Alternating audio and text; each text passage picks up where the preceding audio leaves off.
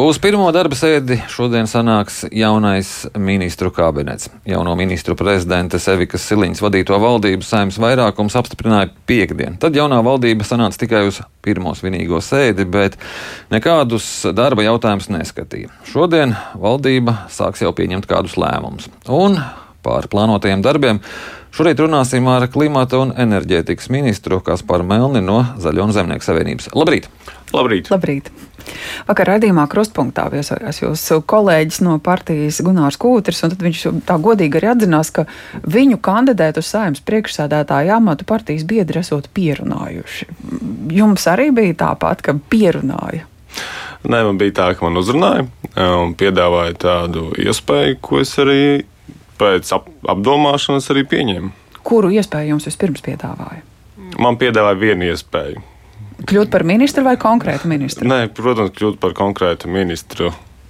Tad jūs nevajadz, nevajadzēja pierunāt, jūs rāvāties uz krēsla. Nē, protams, ka vienkārši kā jau normāli piedāvāja tādu iespēju, un tad es arī apdomāju to un arī piekrītu. Nevis par zemkopības, bet par uh, klimata ministru. Jā, tāds bija piedāvājums. Aizdītā gada beigās jūs iestājāties pret klimatu un enerģētikas ministrijas izveidi, taču tagad esat eh, šīs ministrijas ministrs. Te nav nekādu pretrunu. Nu, tas arī bija tas, kāpēc man pašam vajadzēja pirmkārt pārdomāt to lēmumu, vai es vēlos un vai spēju saskatīt, ka uzstādītie mērķi spēja ministrija sasniegt. Tā liela būtiskākā atšķirība starp kad es balsoju pret ministriju, bija tas, ka klimata enerģijas ministrija bija tikai enerģijas bloks ar ko es nespēju saskatīt, kā var sasniegt vidas mērķus, uzstādītos un klimatu. Un līdz ar to viens no būtiskajām starpībām ir tas, ka pašreiz mēs esam jau vienojušies par to, ka nāk klāt arī vidas bloks.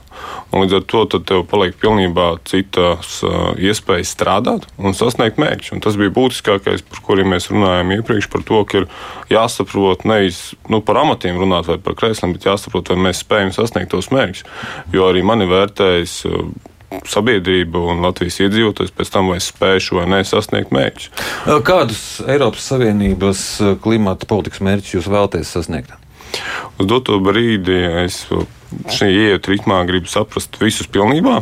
Es zinu, ir nosprosts lielajā mērķī kaut vai viens par siltumnīca efektu gāzes samazināšanu 2030. gadā par 17%, bet 2005. gadu, kas ir ļoti izaicinoši.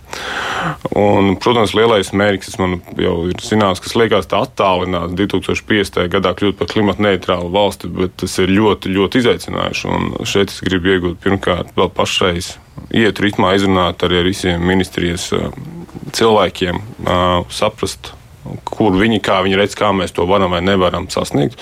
Tomēr tie ir nozares speciālisti, kas tur strādā. Jo pašlaik es tā varētu runāt vairāk pēc tam sajūtām, bet es gribu konkrēti izrunāt, saprast, kur ir tās aizskrienas. Jo skaidrs, ka tos mērķus sasniegt nebūs viegli. Jau es redzu, ka ir iespējams problēmas, ja mēs neko nedarīsim, pieņemsim mērķi sasniegt par energoefektivitāti māju, mēs saprotam, ka mēs nespējam. Kaut vai tajā pašā Rīgā, skatoties, ka bija uzstādītais mērķis ap 2000 mājām nosiltināt, no pie uz doto brīdi ir pāris simti. Un mēs redzam, ka šī tā strādājot, tā ir kaut kas radikāli, vai nu mēs jāmaina, vai nu jāatzīst, ka mēs tos mērķus jau tagad redzam, ka mēs nesasniegsim.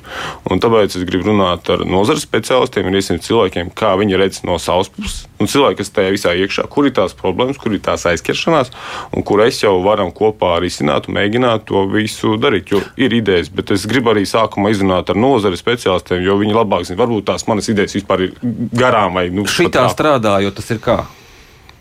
Nu, kā līdz šim? Tas ir kā? Nu, kā mēs redzam, līdz šim viņiem izdodas nesasniegt mērķus, jo pārāk lēns viena no tām problēmām, runājot par to, to pašu siltināšanu, kur cilvēki ir iznākuši, ka ir problēma tāda, ka tev iedod ciparu siltināšanu vienu, bet kamēr tu izēji to visu procesu, skaņošanu, visu tev beigās tev būvnieks pasaka, nē, pat tā cipars vairāk būvēt nevar, tas cipars ir pieaudzis par ceturdaļu, kas ir ļoti milzīgs. Un skaidrs, ka tad jau tie paši mājas iedzīvotāji pasaka, nē, piedodiet, mēs nevaram tā. Un nu, viss, un pie tā ir apstājies, un tā ir problēma. Te ir jautājums, risinājums, vai mēs varam runāt par to, ka uh, tas process ir stipri ātrāks, tā, ka tā tāma nepieaug, tas cipars nepieaug, jo mums jau vajag, lai to māju nosiltina. Tas ir viens, jo lai cilvēkiem būtu mazāk rēķinu, lai mēs būtu arī klimata draudzīgi un sasniedzot to mērķi, nosiltināt māju, mēs jau arī pārējos mērķus arī pavelkam uz augšu klimata un enerģētiski. Līdz ar to tas arī ir jāsaprot. Nu, tur ir problēmas. Tāpēc tur ir jāmeklē risinājumi kopējie. Jūs tā ātri klimata mērķus novirzījāt uz galvaspilsētas ēku siltināšanu, bet klimata mērķu sasniegšanā ir arī darbi, kas attiecas uz zemkopību. Kā te būs ar to, ka jūs, protams, vērtēs vēlētāji, jūsu vēlētāji, to skaita lauksaimnieki?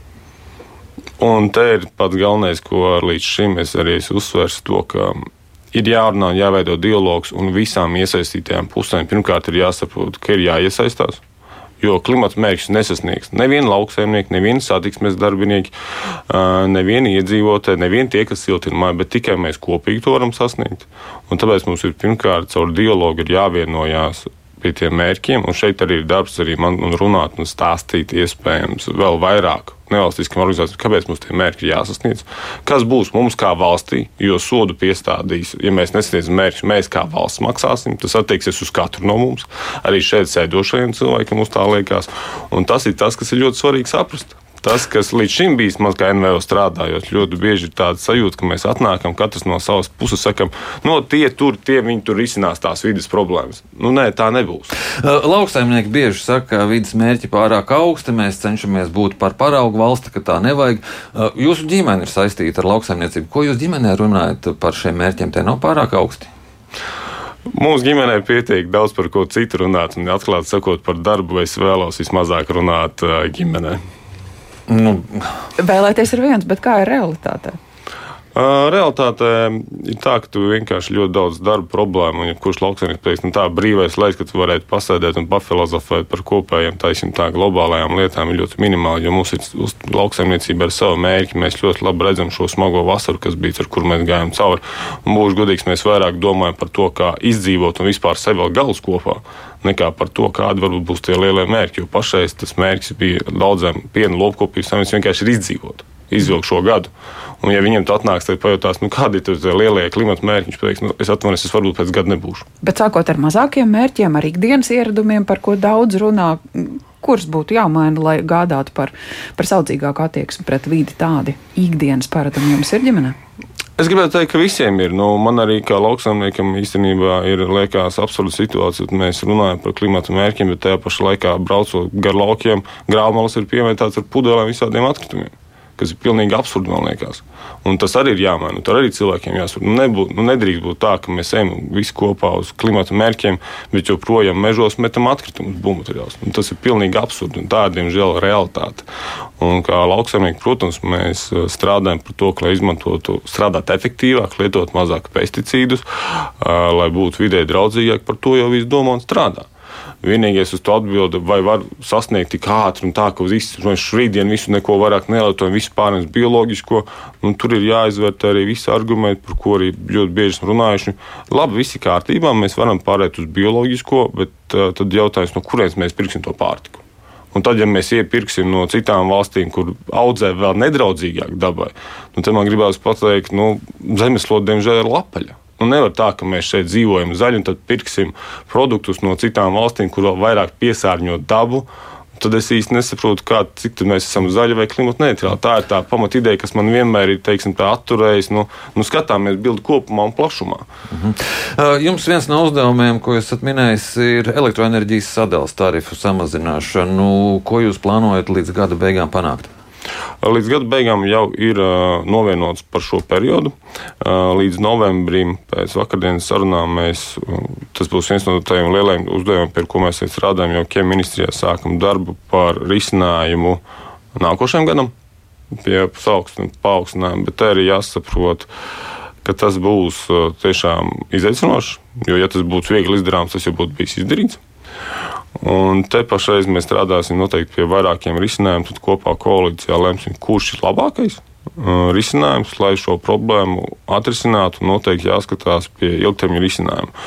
Jo īstermiņā ugunsgrēka dzēšana mēs saprotam, ka nepie kā nenoved. Jūs šobrīd redzat to ilgtermiņa risinājumu? Atomenerģija.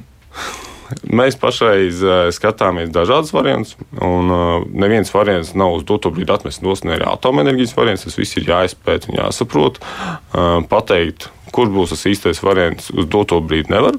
Tāpēc, tas viss ir jāizpēta, tas pats arī atomu variants ir izpētes vērts, jo tās tehnoloģijas ļoti strauji iet uz priekšu un jāskatās, kā ir attīstījušās, mainījušās. Iespējams, nezinu, pēc kaut kāda laika runāsim varbūt arī par atomu enerģiju. Iespējams. Jums darba automašīna ir? Jā, ir darba. Dīzelis? Nē, elektroautorāta. Saļārka. Elektroautorāta. Uh, paldies! paldies. Mūsu studijā bija klimata un enerģētikas ministrs Kaspars Melnis no Zaļo un Zemnieku savienības. Paldies!